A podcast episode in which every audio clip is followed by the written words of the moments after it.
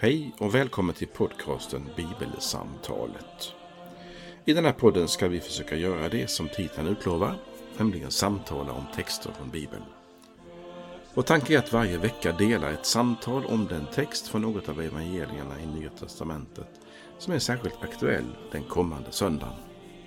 Fokus är just samtalet. Kanske kan det inspirera fler till att samtala om bibeltexter. Välkommen att vara med i samtalet på något sätt. Vi som gör den här podden det är Fredrik Borglin, kommunister i Istorps pastorat och Karl Magnus Adrian, präst bland annat tidigare i just Istorps pastorat.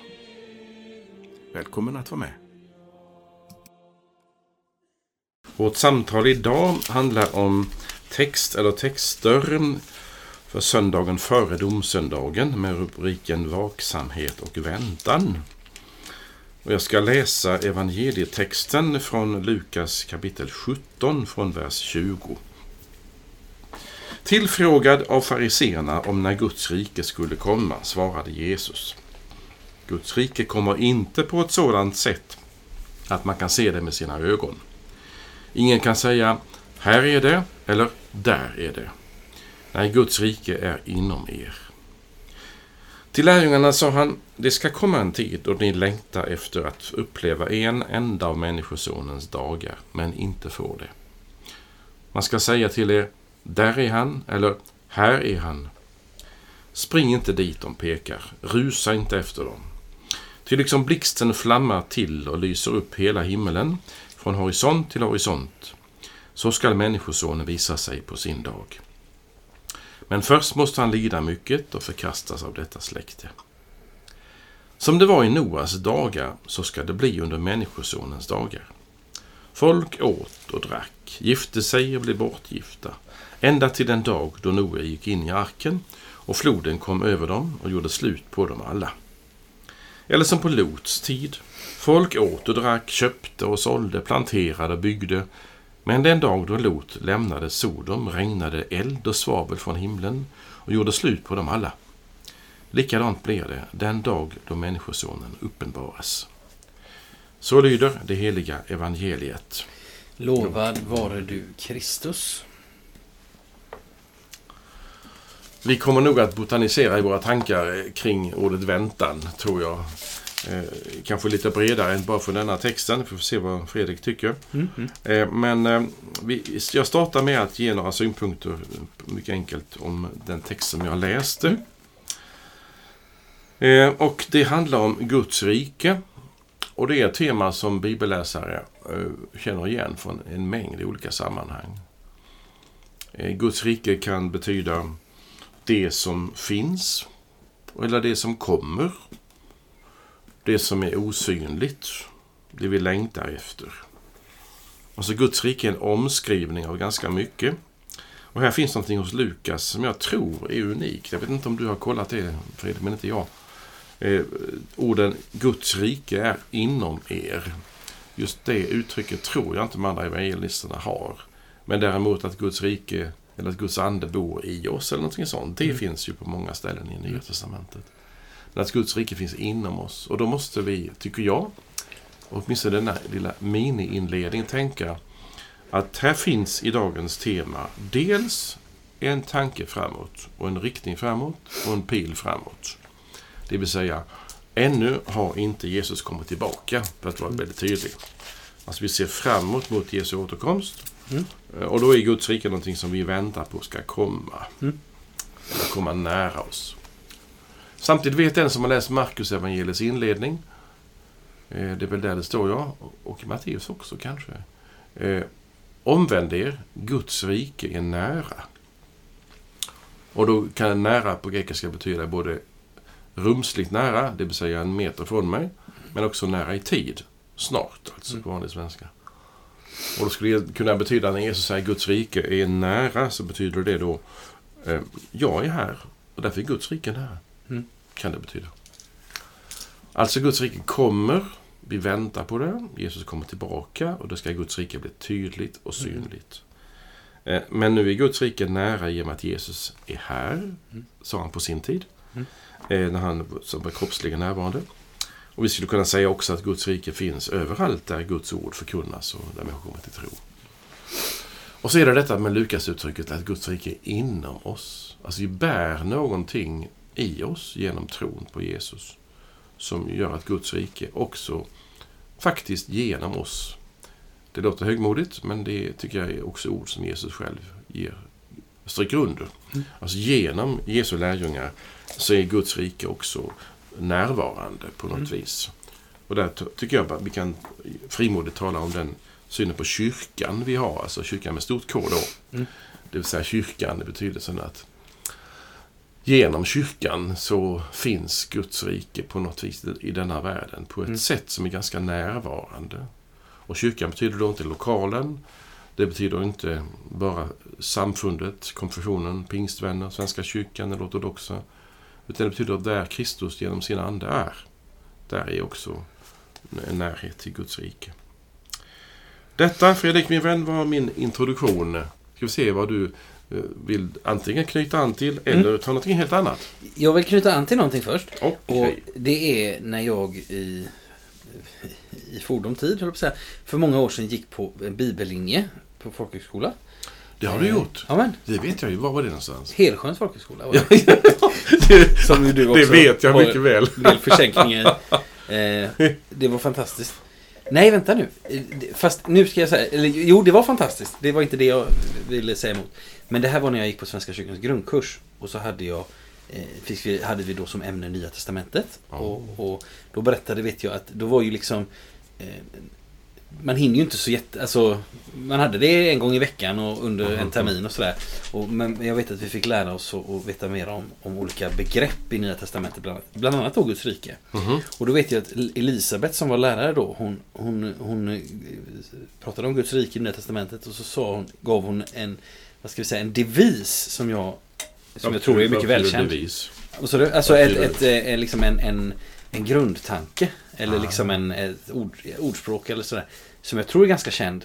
Eh, som jag har burit med mig. Eh, och som är Guds rike redan nu men ännu inte. Det här känner du igen också såklart Magnus. Och kanske ni som lyssnar också. Eh, alltså Guds rike är redan nu men ännu inte. Alltså den här dubbelheten att eh, så, Mhm. så det, det, vill jag, det, det kommer jag att tänka på nu när du tog upp detta med, med Guds rike och sådär. Och jag, jag tror att vi kommer att röra oss kring det här med väntan idag. Jag skulle också vilja säga någonting om sammanhanget. Det är bra. är Eh, och, och då är det mera, då är det lite mera, inte så mycket, man kan säga så här. Jag vill säga någonting lite tematiskt om sammanhanget. Oh, alltså ett tema nu kring Ja, eh, vi får se vad detta, sammanhanget. vad detta blir. Alltså, eh, Jesus talar om den sista tiden eller om liksom, den här världens slut eller tiden omedelbart före. Och det gör ju Jesus ganska många gånger eh, i evangelierna. Eh, det är faktiskt ett av hans huvudärenden. Eh, om sin återkomst, om världens slut, eh, dom, seger, befrielse och så vidare. Eh, och Jesus, man kan säga så här, Jesus talar ju mer om detta mot slutet av sitt liv. Det kan man ha som en, eh, en, en, liksom en minnesregel eller sådär. Eller om man vill komma ihåg det. Eh, så uppfattar jag saken. Och eh, faktum är att både Matteus och Markus och Lukas eh, de har en, en del material på det här temat. De, eh, de placerar in detta, att Jesus talar om detta, inte bara mot slutet av sitt liv, utan under Jesus sista vecka. Alltså efter intåget. Matteus har det väldigt tydligt ju. Mm. Många kapitel väl? Ja. Och det är 20... Han har till och med något av hans Fyra, tal som 25. handlar om liksom Ja. tidens slut. Han har ju sina fem tal. Och Markus har ju också en, en eh, där efter intåget. eh, Där han, det är väl kapitel 13 tror jag. Han berättar om, om liksom, eh, den sista stora nöden och kommande prövningar och sådär. Och det, Lukas pratar, liksom placerar också in en del av det här materialet Jesus sista vecka. Men det vi läser idag. Eh, där talar ju Jesus om detta med den sista tiden före intåget. Alltså, så vi, nu är vi före intåget, men vi är ändå mot slutet av Jesu liv. Och det är då han talar särskilt mycket om detta. Så det, det var bara den lilla ramen. Kan jag hoppa in där? Gärna, en mycket gärna. parentes innan Ja, fortsätter. självklart. Eh, Det är roligt ibland att tänka, eh, det som, när du talar om sammanhanget och kontexten, så vilket jag bejakar som du vet, Mm. så kan vi också tala om struktur. Mm. Eh, Och det är även om det är ett ord som inte används jämt, så tror jag även ni som lyssnar och inte tänker i den, de termerna kan, kan möjligen ha glädje av den typen av kommentarer. Och det är så här att eh, om det är så här att det finns eh, som det, det finns ju fyra stycken evangelister som skriver om Jesus. Mm. Matteus, Markus, Lukas, Johannes. Och så upptäcker vi att de är olika. Och vi märker också när vi skulle sätta dem bredvid varandra, man sätter fyra spalter. Sådär, Mm. Matteus, Markus, Lukas, Johannes. Och så tar vi den händelsen av Matteus och så jämför vi vad står den hos Markus. Och den finns med hos Markus också. Har Lukas den? Nej, han har inte med den. Det vill säga, de här fyra evangelisterna, de är redaktörer. Mm. De har ju ett, ett berättelse, kan vi kalla det för, eh, som de liksom arbetar med. Mm. Och Johannes har ju ganska få konkreta händelser. Mm. Men desto mer har han ju om varje händelse. Det kan Mm. man väl sammanfatta och säga. Ja, det. Ja. Och det gör att, att strukturerna, som jag, det ordet jag använder, tycker jag är spännande därför att då har ju Lukas satt in den här i ett sammanhang Mm. där kanske Matteus har något liknande i ett annan sammanhang som, som kommer vid ett annat tillfälle. Mm. Och detta vill jag säga till lyssnarna, det är inget problem i evangelierna därför Mm. att de skäms inte, evangelisterna, för att de komponerar det på olika sätt. Mm. Det tycker jag, jag möter själv när jag var ung, att jag blev liksom irriterad över att det inte är samma ordningsföljd Mm. hos Matteus, Markus och Lukas. Men det, är ju, det ber de inte om ursäkt för själva. Nej. För det är inte så. Eh, Och detta är bara sagt som en del av det här med när du tänker på kontext eller sammanhang och så. Mm. Och struktur. Så är det bra ibland när man läser Bibeln att tänka att eh, det är inte en biografi av Jesu liv kronologiskt. Nej. Utan det är tema som de lägger Mm. in ibland. Mm. Och ibland ser man att de är väldigt överens om, om tidsramen också. Mm. Mellan Lukas och Matteus till exempel. Och Mm. ibland så går de isär. Mm. Detta var bara en parentes kring det Mm. som du tog upp. Men jag tycker ibland att det är viktigt. Och man kan, bara för att, att, att fylla i det du säger, så, så tänker jag så här. Det man kan, den, den riktigt stora grejen som är liksom, som alla fyra berättar om, det är lidandet, döden uppståndelsen. Alltså Det är väldigt man, markant. det så. Och sen är det väl liksom, sen är det om vi skulle ställa upp allt material så är det ganska få saker som alla fyra med. Brödundret har alla fyra med till exempel. Mm, just det. Eh, och intåget i Jerusalem och den sista veckan så att säga. Mhm. Men sen är det ju Sen är det ju påfallande så att man har valt olika saker. Mm, det det. Eh, även om liksom Ibland kan vi också se Spaltar vi upp Matteus, Markus och Lukas bara Mm. Ja då får vi betydligt fler Men där kan vi också se om man skulle till exempel Rada upp alla Jesu under Eller alla Jesu liknelser Mm. Ja då blir det ganska plottrigt Vissa har alla, vissa har två, vissa har en Mm. och sådär så att, Och jag, jag vet, det kan ju också användas som en invändning ja, men varför, varför berättar de så olika? Och, och då har det liksom när jag, det frågan har jag också tänkt på och brottats med och också det här att Det här var ju uppenbart inget problem för den tidiga kyrkan. Inte alls. För då hade man ju beslutat sig för att nej men vi ska bara ha ett evangelium. Eh, För om du förstår vad jag menar. Mm, mm. Men det har man ju överhuvudtaget inte och människor för 2000 år sedan eller för 1900 år sedan eller något sånt där när liksom Nya Testamentet började formas. Alltså de var ju inte dumma i huvudet. eh, och nu är vi så smarta. Det tror vi gärna ibland att, att Ja, liksom ja. Eh, och, och, så, och det tänker jag så att säga, nej men det har... Det är inga problem. Eh, Nej, men nu när, när världen har blivit mindre fast den är lika stor som innan. Man kan bara tänka när vi träffar människor från andra kulturer. Mm. Till exempel från mm, nuvarande Israel, Palestina, Syrien kanske som kommit Mm. som flyktingar. Så märker vi att när de pratar om någonting som, som inte bara handlar om vad som hände igår eller så. Mm. Så tänker man annorlunda. Det är ett annat sätt att, att fundera. Mm. Och när man har bilder så betyder de lite annorlunda. Mm. Och det är väldigt, väldigt kul att fundera på det. Att Mm. Vi tycker ju att vårt sätt att tänka norr om Östersjön, så, Ja. så smala är vi ibland, så ska man tänka. Eller vi som kommer från Skåne, vi fa- fattar ju det och det. Men det gör inte du som är från lite norrifrån. Så. Det är väldigt självcentrerat Ja, det är det. Det är ju inte någon större kritik eller större smarthet i de tankarna, utan det, det är väldigt självcentrerat. Ja, vi kanske ska släppa det göra. strukturfrågorna. Mm. Men du, eh, bröt jag av dig innan? Nej, nej, ingen fara. Därför att när jag hade den här inledningen om- Guds rike Mm.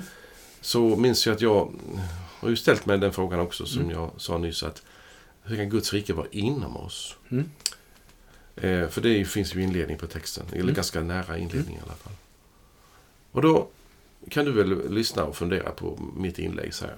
Då tänkte jag så här för länge sedan.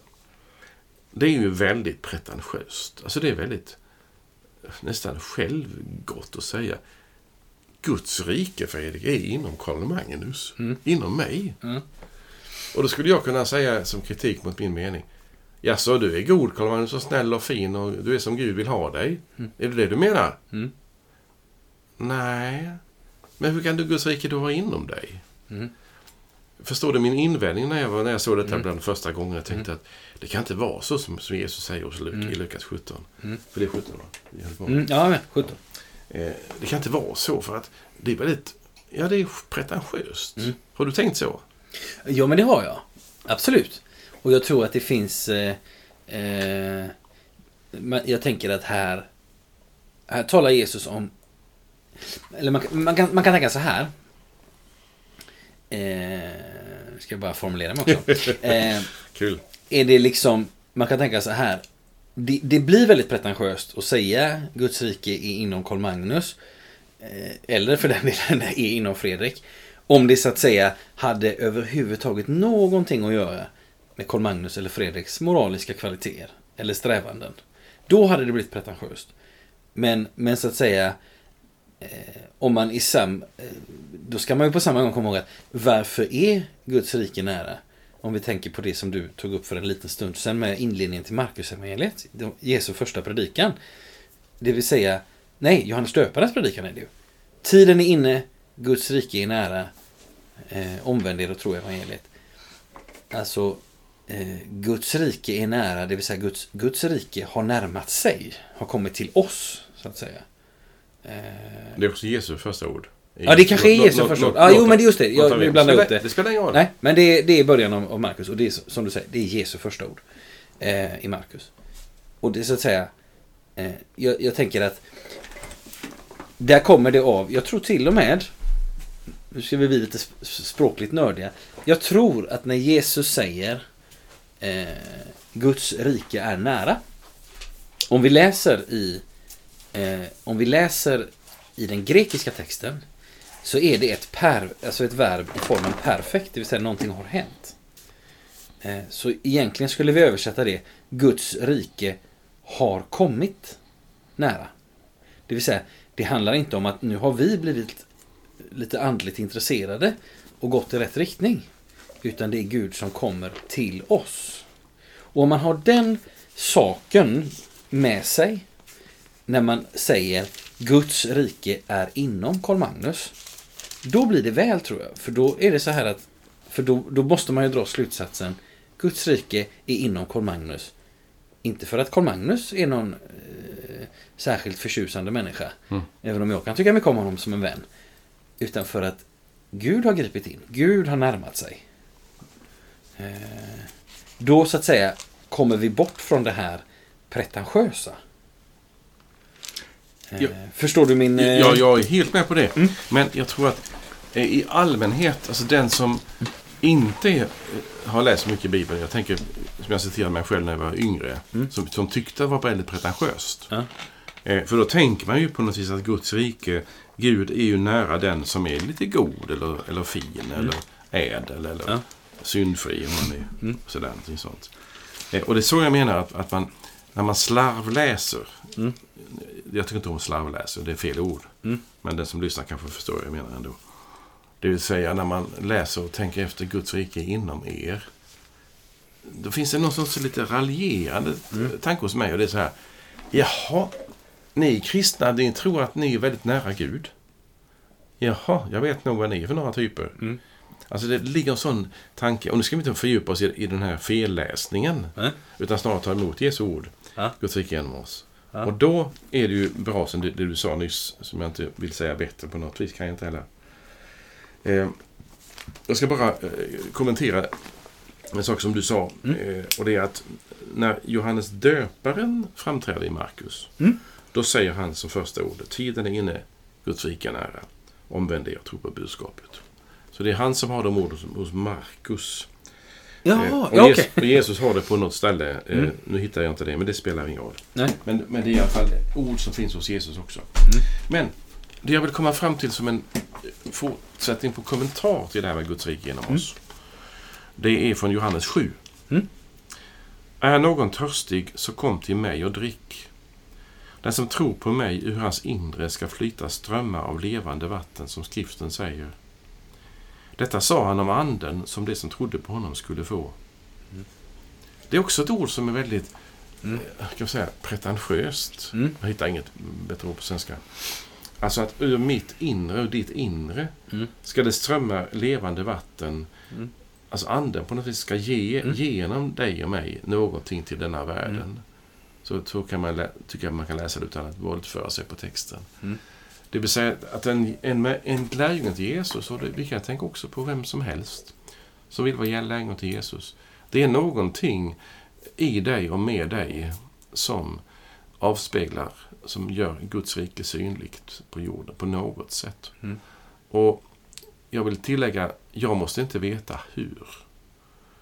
Alltså, om jag blir för mycket intresserad av min egen godhet, för att ta ett, ett Mm. dumt exempel, då blir jag lätt självupptagen och Mm. självgod. Eller destruktivt, alltså ledsen över att Mm. jag inte blir bättre. Mm. Men tänker jag så här, ja men Gud kan ju komma genom mig till andra människor. Mm.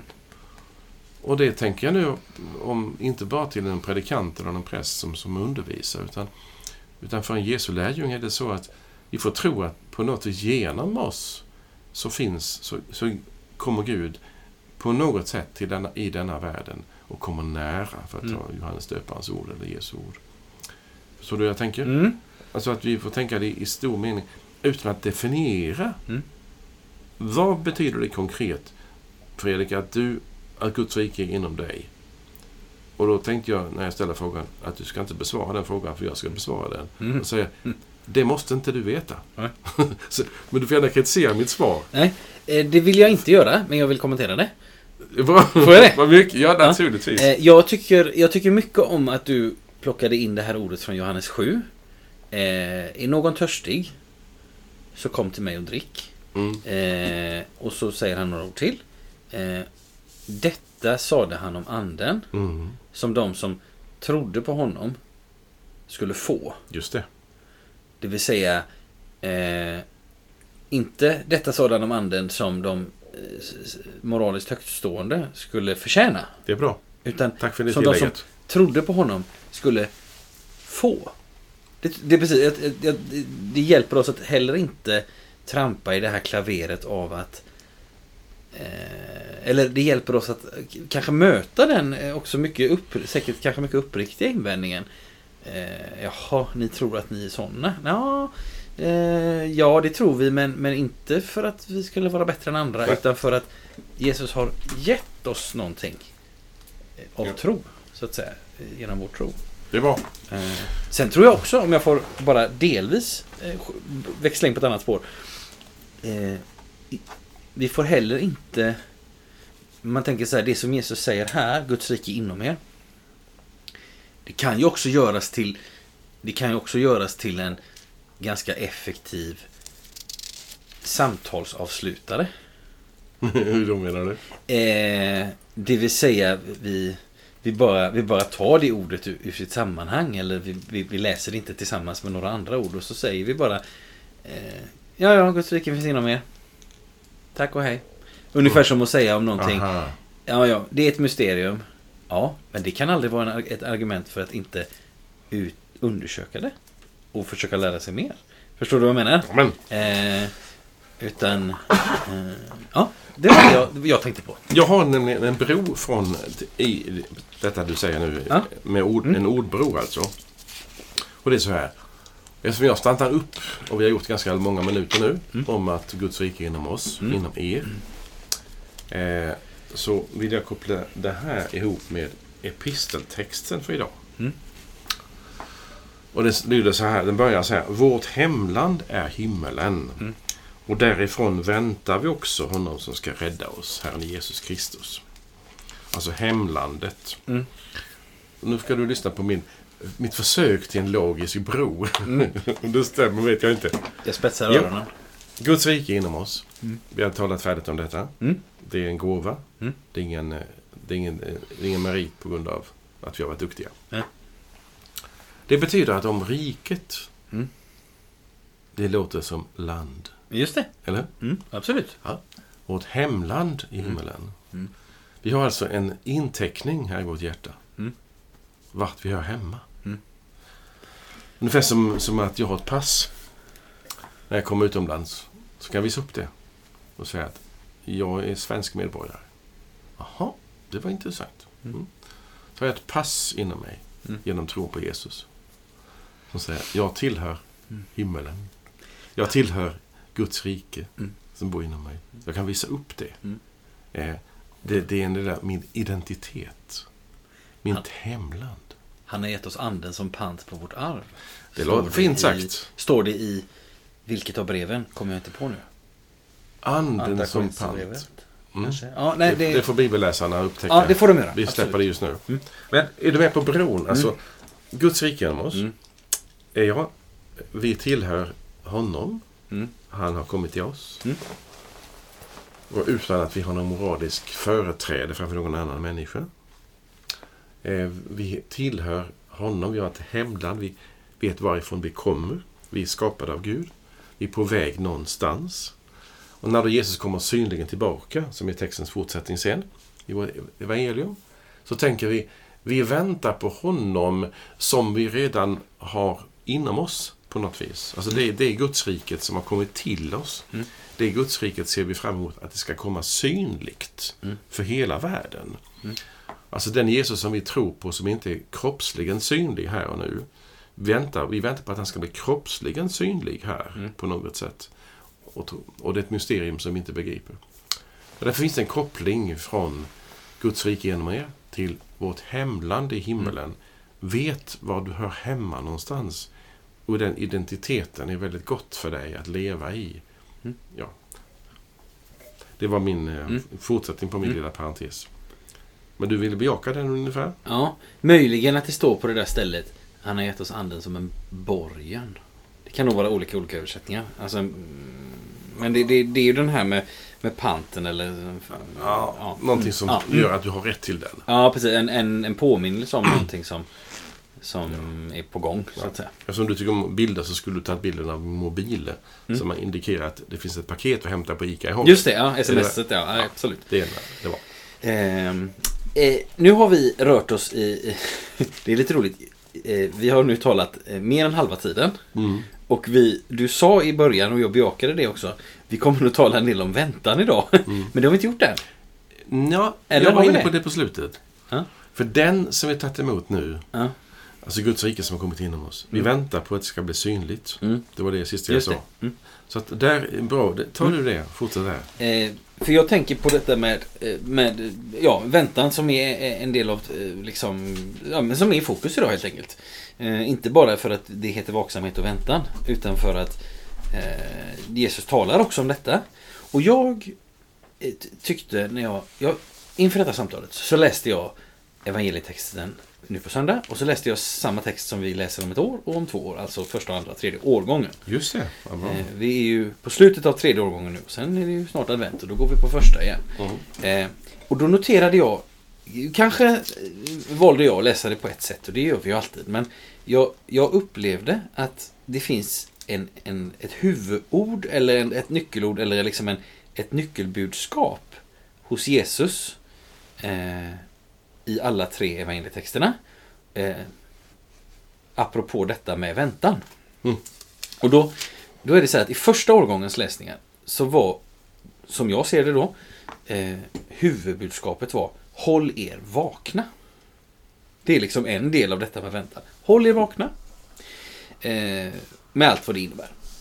Eh, andra året så är, eh, är det en lite snarlik eh, nyckel. Eh, nämligen Var beredda. Det är ju egentligen lite samma sak. Men om vi skulle resonera om det så, så kan det vara lite olika. Hålla sig vaken. eh, Det kan vara att vara allmänt uppmärksam. Mhm. Eh, till exempel. Var beredda. Det kan vara... Vi kan tänka på detta med krisberedskap som det talas en del om på senare tid. Det här att man ska Mm, ha eh, konservburkar och vattendunkar och, och, och en batteriradio och sådär. Mhm. Eh, det, det, är, det, är något, det är liksom besläktat men det är något lite annat. Mm. Och så kommer vi till texten som vi, vi stannar till inför nu. Och Eh, Och då, en sak som jag fastnade lite för och som Jesus talar kring. Det är när han säger det här. Spring inte dit de pekar. Alltså vaksamhet. Men det är inte detsamma som att liksom springa på alla bollar. Just det. Alltså, Ah, lite nervöst sådär. ja, alltså förstår du vad jag menar? Alltså, om man tänker att Jesus säger Håll er vakna, säger han ett år till oss. Om vi nu tänker att eh, det är evangelieboken. Och sen så säger han var beredda. Och om vi bara får till oss Håll er vakna och var beredda. Då, då är det lätt att vi springer på alla bollar. Mm, mm. Eh, ungefär som om du och jag hade varit hemliga agenter eh, i Horred och skulle liksom eh, hålla ögonen öppna efter någon eh, skum typ. Mhm, Och så har vi fått ett signalement. Ja. Eh, man i mörk kostym och solglasögon. Eh, Och så får vi nu, håll er vakna och var beredda. Mhm. Och då är ju risken att vi börjar även springa efter män i ljusa kostymer eller män i kalanka kostymer eller så. Mhm. För bet- bättre en gång för mycket än en gång för lite. Men då säger Jesus till oss i årets läsning Spring inte dit de pekar. Mhm. Alltså jag tycker, det, jag tycker det är intressant att vi får, och jag menar detta är ju tre tillfällen, de här tre årgångarnas evangelier, när Jesus talar om den sista tiden och så vidare. Men jag tycker det är intressant att vi får de här olika ingångarna. Att Både håll er vakna, var beredda, spring inte dit de pekar. Och nu menar jag inte att Jesus säger det mot sig själv, utan jag, jag tänker att nej men det är olika, det är verkligen olika aspekter eller olika perspektiv på eh, vaksamhet och väntan. Du menar det, man kan liksom vänta på olika sätt? Eh, Och det som du v- liksom varnar för eller, eller är negativ mot är att Mm. eh, nu tar jag vä- väldigt så barnsliga bilder. Att Jesus kommer, liksom himmelen, det ska bli något synligt i himmelen Mm. när han kommer. Mm. Och så är det en molnig dag Mm. och så går molnen isär och då kommer Mm. det solstrålarna och så tänker man, oh nu kommer han nog. Mm. För nu ser nu, det är något konstigt ljus på himmelen. Mm. Nej, lugna dig nu Fredrik. Han kommer inte än. Är ni med? Alltså man blir lite nervös. Ja. Nej, passar Jo, det? ja, jo men absolut. Eh, Men det är också, jag vill bara lägga till, jag tycker det är väldigt bra att du drar de olika bitarna från, eller delarna av alternativtexterna. Mm. Det är att det finns någon, någon sorts dramatik och någon sorts eh, rädsla Mm. i det här med väntan. Mm. Eh, tänk om man kommer och jag inte är beredd. Mm. Tänk om man liksom dyker upp som en tjuv om natten. Mm. Som det finns texter som Mm. talar om. Och jag inte liksom är med. Mm. Eh, Det finns en del, ga- ganska många berättelser, speciellt från förr, eh, när, när jag var ung, som, där man hade ett budskap, eller ett sätt, ett sätt att tydliggöra detta, som, som lätt skrämde ungdomar. Jag har varit med om det själv. Mm. Eh, Och då är väntan inte trevligt, utan det är liksom hela tiden, tänk om du inte hänger med, eller får komma med. Man ska inte bli efter på vägen. Nej, just det. Men, eh, nej. Och, och då finns det förutom de eller delarna av väntan som du tog upp Mm. så bra. Så finns också detta med att man kan tänka väntan Jesu återkomst. Nej, det, det, det, det, det är läskigt. Det, det är Mm. otäckt och så. Mm. Eller hur? Mm. Du, du med hur jag tänker? Mm. Ja. Och det är väl bra också att vi också i vårt samtal här funderar på hur de här olika orden landar idag Mm. om Jesu återkomst. För det är ju det Mm. det handlar om. Mm. Vill, vill du, har du någon mer tråd precis till det som du inledde med? Jag har en annan tråd kring väntan. Som jag, kan, Eh, jag kan vänta ja. med den. du kan vänta med väntan. Ja. Nej men jag, jag tänker så här att eh, Det är det jag ville säga. Man kan, man kan tänka så här. Eh, eh, jag, nej, jag vill egentligen bara stryka under det. Alltså håll er vakna. Det är en del av det. Var beredda. Det är en del av det. Och sen så också någonstans. Spring inte dit de pekar. Det handlar om att urskilja. Bra. Förstår du vad jag menar? Mm. Alltså, nu använder jag den fåniga bilden av hemliga agenter. Vad, vad är det för några? Låt säga att vi istället, vi tänker en lite mer realistisk bild. Du och jag jobbar i tullen i Ja. Göteborgs hamn. Ja, ja. Eh, då måste vi hålla oss vakna. Mm. Vi måste vara beredda. Mm. Och vi måste också urskilja. Vi kan inte stoppa alla tusentals containrar Nej, som kommer in varje dag. Nej. Utan vi måste hålla oss vakna, vara beredda och också urskilja. Vad är bara en helt vanlig container? Vad är en suspekt container? Om vi Ja. nu jobbade där. Ja. Och, och, och jag kan läsa ordet att, att, att människosonen, det ska gå upp ett ljus i öster. Och, och så li- ligger jag i min säng och så, Åh, det kommer ett ljus från öster. Jaha, det var bara grannen som körde förbi med helljuset. Eh, liksom, eh, att en aspekt av det också är urskiljningen. Bra. Och, och där kan vi få hjälp av, tycker jag, Och det kan, kan vi också rekommendera lyssnare att titta på de tre evangelietexterna för, Mm. för söndag för domsöndagen. För det är väldigt bra. Eh, du tog fram en bit, jag ska ta fram två andra bitar från de texterna. Ja. Det ena som har, har mer koppling till det du sa. Mm. Det är andra årgången från Lukas 12. Fäst upp era kläder och håll lamporna brinnande. Mm. Och fäst upp kläderna betyder låt ingenting hindra dig från att bryta upp. Alltså. Alltså se, fästa inte för mycket. Nej. Håll ryggsäcken packad, typ. Ja, ja det är bra, Mm. bra. Och så då, håll lamporna brinnande. Det brukar ju ibland tolkas som att, att trons... Alltså, den som är förankrad i Jesus här och nu, den, Mm. den får hjälp med beredskapen. Alltså, Mm. Lever du ihop med Jesus på något vis här och nu, Mm. i bön, ordet, sakramenten och så, Mm. så har du en, har du en oändlig hjälp att, att eh, ta emot Jesu ord till dig som Mm. kan hjälpa dig. Så. Eh, Så därför tycker jag att Lukas 12 är en bra komplement. Mm. Eh, Från den första gången så är det Matteus 25. Mm. Då är det tio unga flickor som, som väntar på brudgummen som ska komma tillbaka. Mm. Och fem är kloka och fem är inte så förståndiga. Just det.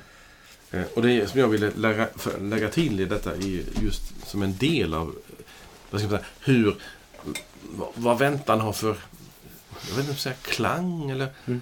eh, för hur det påverkar hur själva ordet och, och livshållningen. Vad ger det mig? Om jag som liten väntade på julafton så var det spännande, minns jag, kvällen innan. Mm. Eh, Lilla julafton, Ja. som man säger ibland. och jag minns eh, för mina äldre systrar och min mor, de, de liksom gjorde i ordning i ena rummet där vi hade julgranen. Eh, och ibland så var jag för liten att vara med där, och min Mm. bror också. Mm. Och då var det väldigt spännande. Mm. Eller när de, när de kunde sjunga för en på morgonen när man fyllde år och man nu vaknade innan de hade kommit Mm. in. Det. Det var väldigt spännande. Så? Ja. Eh, Den aspekten eh, på väntan och på Jesu återkomst hade jag inte med mig i min uppväxt så mycket. Mm. Det, var, det var mer allvar och så här, att du är väl Mm. inte, du är väl med Karl Magnus? Du är väl inte, blir inte efter på vägen och sådär. Mm. Allvarsamma ord. Det är inte fel Mm. med det. Mm. Kan du hjälpa mig? Vem, eh, vilken... Nej, jag ska inte ställa frågan till dig för du kan inte svara på den. Eh, jag håller ju på en del med musik. Ja. Och jag är ju inte speciellt ovän med Johann Sebastian Bach kan man Nej, säga. det. Speciellt. Jag tycker väldigt mycket om honom. Mm. Eh, när han skri- skriver eh, kantaten, alltså den musiken som framfördes på söndag före domsöndagen. Mm. Eh, kanske var Leipzig eller Weimar, jag vet inte exakt Mm. när han skrev den. Eh, så har han ju ett tema kring eh, Vaken upp, en stämma ljuder. Mm. Eh, ja. Och så har han en av verserna när han ska tonsätta dem som handlar om hur de längtar till himmelen och sådär. De Mm. här tär- tärnorna. Mm. Och då, då sjunger, när de ska sjunga den här melodin, på, som i psalmboken är ganska dramatisk. Jag vet inte, du sjunger bättre än jag, men Vaken upp en stämma ljuder, ljuder du vet. Du, minns den? Jag har hört den någon gång. Jag kan inte ta den direkt ur minnet. Så, Den, men, den men- brukar ju finnas med på någon av de här söndagarna. Ja, just det. Men Den sjunger, tenorstämman i kören, alltså männen, sjunger den här melodin. Mm. Som ju handlar om både allvar och väntan Mm. och framtiden. Mm. Och då ackompanjeras den Mm. av en melodi. Mm. Jag ska spela tre takter på den. Okej, ja. vad trevligt. Ett musikaliskt inslag här.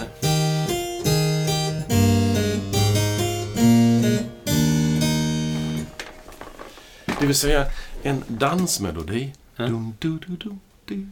Ja, just det. Den Nu var inte vi- så allvarlig. Den. Nej, nu ska vi gå in i himmelen. Ja. Ta emot honom nu. Ja. Jag spelade ett fel här i basen upptäckte jag. Ja. Eller- Jag säger jag har ingen aning. Men, men, men, men, men ja. Jo, när, när han gjorde det så tänkte jag, aha, så tolkar han på 1720-talet kanske. Mm. Det här med väntan på Jesu återkomst. Mm. Jag blev väldigt glad av den musiken. Och så jag fick spela den på en kollegas begravning en gång för några år sedan. Och det var väldigt högtidligt och så tänkte jag på att jag, jag vill spela den inte, inte liksom löjligt glättigt och sådär. Utan som den är skriven, som jag tror i alla fall. Mm. Eh, och då hjälper den musiken mig att få en...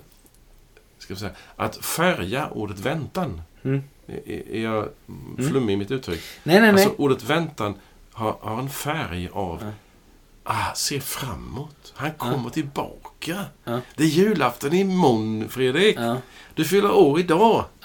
Ja. Ja, Nu förstår jag vad du kom, ville komma med de här julaftonsbilderna. Nu, nu, tack för dem. Mycket tack för dem. Eh, absolut, och jag tänker... Eh, ska vi inte... Men söndagen före domsöndagen. Den finns i två, i två kyrkors kyrkoår.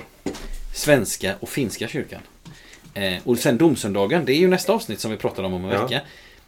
Heter ju på en del andra håll Kristus konungens dag. just det. Alltså, eh, och eh, så att eh, i vårt kyrkår, om vi nu bara tänker på liksom detta med domsöndagen, då, då, då Ibland har vi talat om så här, att ibland blir vi lite, vi blir lite slav, det finns en risk att vi blir slavar under söndagens överskrift. Ja, Eh, Men, men här blir vi också, det finns en risk att vi blir slavar under söndagens namn. Aha, det får du förklara. Det vill säga, jo men vi, vi menar, när vi säger domsöndagen så är det ett ord som direkt fyller oss med allvar. Och allvar är inte fel. Men, men, men, men, men då behöver vi liksom sam, på samma gång plocka fram att eh, vi behöver på samma gång plocka fram att det finns ju också en glädje i detta. Eh, eh, det, är alltså i, i väntan. Det, det är inte bara ett, all, det, det är ett allvar, men det är också en, en längtan. Längtan är också sorts väntan, men det är, det är mycket mer positivt. Väntan kan ju vara, nu väntar jag på tandläkaren som ska borra utan bedövning och ge mig en räkning på 36 000. Eh, men längtan är ju mera, det är positivt och jag ska få äntligen komma till tandläkaren. Kanske någon känner. Ja. Eh, så tack två- för att du hjälpte mig att bejaka det. Ja. Vill jag bara säga. Mycket bra. Mm. Nu har jag två in, in, om jag kommer ihåg dem. För det första, Mm. vad sa du om finska kyrkan och svenska kyrkan? Är det bara de kyrkan? Två som har söndagen före, Före. domsöndagen. Tack. Ja, tack så mycket. Om jag minns rätt. Men jag har hört det någon gång. Då vill jag eh, tänka ihop med dig. Eh, I vår evangeliebok i Svenska kyrkan idag, Mm. nu, Mm. Så har ju den tema som vi pratar om idag, Mm. det har rubriken Väntan och vaksamhet. Ja. ja. Vad är överskriften nästa söndag? Kristi återkomst. Just det. Varför har ingen av söndagarna överskriften Den yttersta domen? För att det har väl typ eh, 25 eller 24 efter trefaldighet va? Är det inte så? Eller är det den yttersta tiden kanske? Den 24 har den yttersta tiden. Ja. En söndag som ofta försvinner bort Ja. i dimman. Eller Mm. Ja, det är en av de söndagar som vi firar kanske var tionde år. Eller Ja, något just sånt det. Ja. Alltså min kommentar är så här. Eh, Det talas, menar jag, på, i bägg, på bägge söndagarna. Fokuseringen är på Jesu återkomst. I bägge söndagarna. Ja. Och man skulle lugnt kunna band, trycka ihop de här två söndagarna till en. Ja. Om man inte väljer att ha rubriken Den yttersta domen som tema på en av söndag. Det har man inte gjort i Svenska kyrkans eh, evangeliebok ju. Nej. Utan man har ju liksom väntan och återkomsten. Men eh, vi ska ju nästa vecka prata om, ett, om en nästa text. Jag ska inte föregripa den. Nej. Men jag ska bara säga nu att dom och i väntan på domen Mm. så har vi idag fokuserat på i väntan på Jesu återkomst. Mm. Och inte har vi tänkt så här. Nu firar vi söndagen före domsöndagen i väntan på domssöndagen. Nej. Då vi ska prata om domen. Nej. Nej. Utan vi riktade framåt bägge, på, bä, mot Jesu återkomst bägge gångerna. Eh, och det gör att när du sa det här med att domen kan låta lite, vad sa du för ord? Eh, Lite jobbigt, tungt. Vad sa du? Dom? Eh, Ja, men det, det är ett allvarligt ämne. Tack, allvarligt. Tack för det. Ja. Då vill jag säga att eh, så är det i, tror jag, i, men i vår kultur, i vårt språk, håller jag helt med dig om. Mm. Men om du skulle läsa det, på, du, kan ju, du är ju med inne i grekiskan, som du ibland bra, ger bra e- exempel på. Eh, då upptäcker man ju att dom är ju både där och i Gamla Testamentet ibland ett uttryck för den goda rättvisan som ska Mm. skipas. Mm. Det vill säga att, att dom inte måste ha karaktären av Åh, vad tungt. Mm. Utan äntligen. Mm. Och då vill jag lägga till det. Mm. Att i ordet väntan Mm. ligger också resp- an- eh, ordet äntligen. Mm. Alltså äntligen kommer han. Äntligen ska det bli rättvisa. Äntligen ska det bli som Gud har tänkt i tillvaron. Så jag tycker det hänger samman. Mm. Nämligen att ordet dom i Bibeln ibland har karaktären av då ska Gud visa Mm. sanningen. Och, och Mm. det är väldigt skönt. Väldigt Mm. stort och väldigt härligt. Mm. Och nu är den här tillvaron djupt orättvis på många gånger. Och, och, och rätt person får inte beröm. Och med mera, med mera. Men då ska det komma en, en rättskipning som vi är Mm. tacksamma för och tacka. Gud för. Förstår du mig? Absolut. Vill du hålla med om det? Ja, det vill jag. För jag tänker om vi tänker på ordet dom i, i världslig bemärkelse, alltså domstolar som utfärdar Mm, eh, domar. Så kan jag inte säga att jag är så jätteförfaren i sådana sammanhang. Men lika väl som en dom betyder att någon är skyldig så kan ju också många vänta på en dom och där, åh, jag blev, jag blev frikänd. Jag menar det. Alltså precis, alltså, Precis att, det. att, att, Mm. att det, och det är, är ju en eh, enorm lättnad. Ja, det är det verkligen. Eh, Kan jag tänka mig utan att ha själv varit föremål för något sånt. Men Mm, mm, mm. att, att vara oskyldig och, och men eh, är ett mycket prövande gå in i en Mm. rättegång kan ju säkert vara jättejobbigt. Jag har aldrig varit i ett sånt sammanhang. Men, och att då liksom få det på papper. Nu har, nu har den här domen avkunnats. Ja. Så att säga. Det är en, Ja, det är fint. Jag tycker det får vara en bra avslutning idag Ja. på vårt samtal. Absolut. Om du ty- tycker det är okej. det gör jag. Då eh, säger vi till dig som har lyssnat. Roligt att du har varit med idag. Och vi önskar dig allt gott och Guds välsignelse. Och säger hej då. Hej då.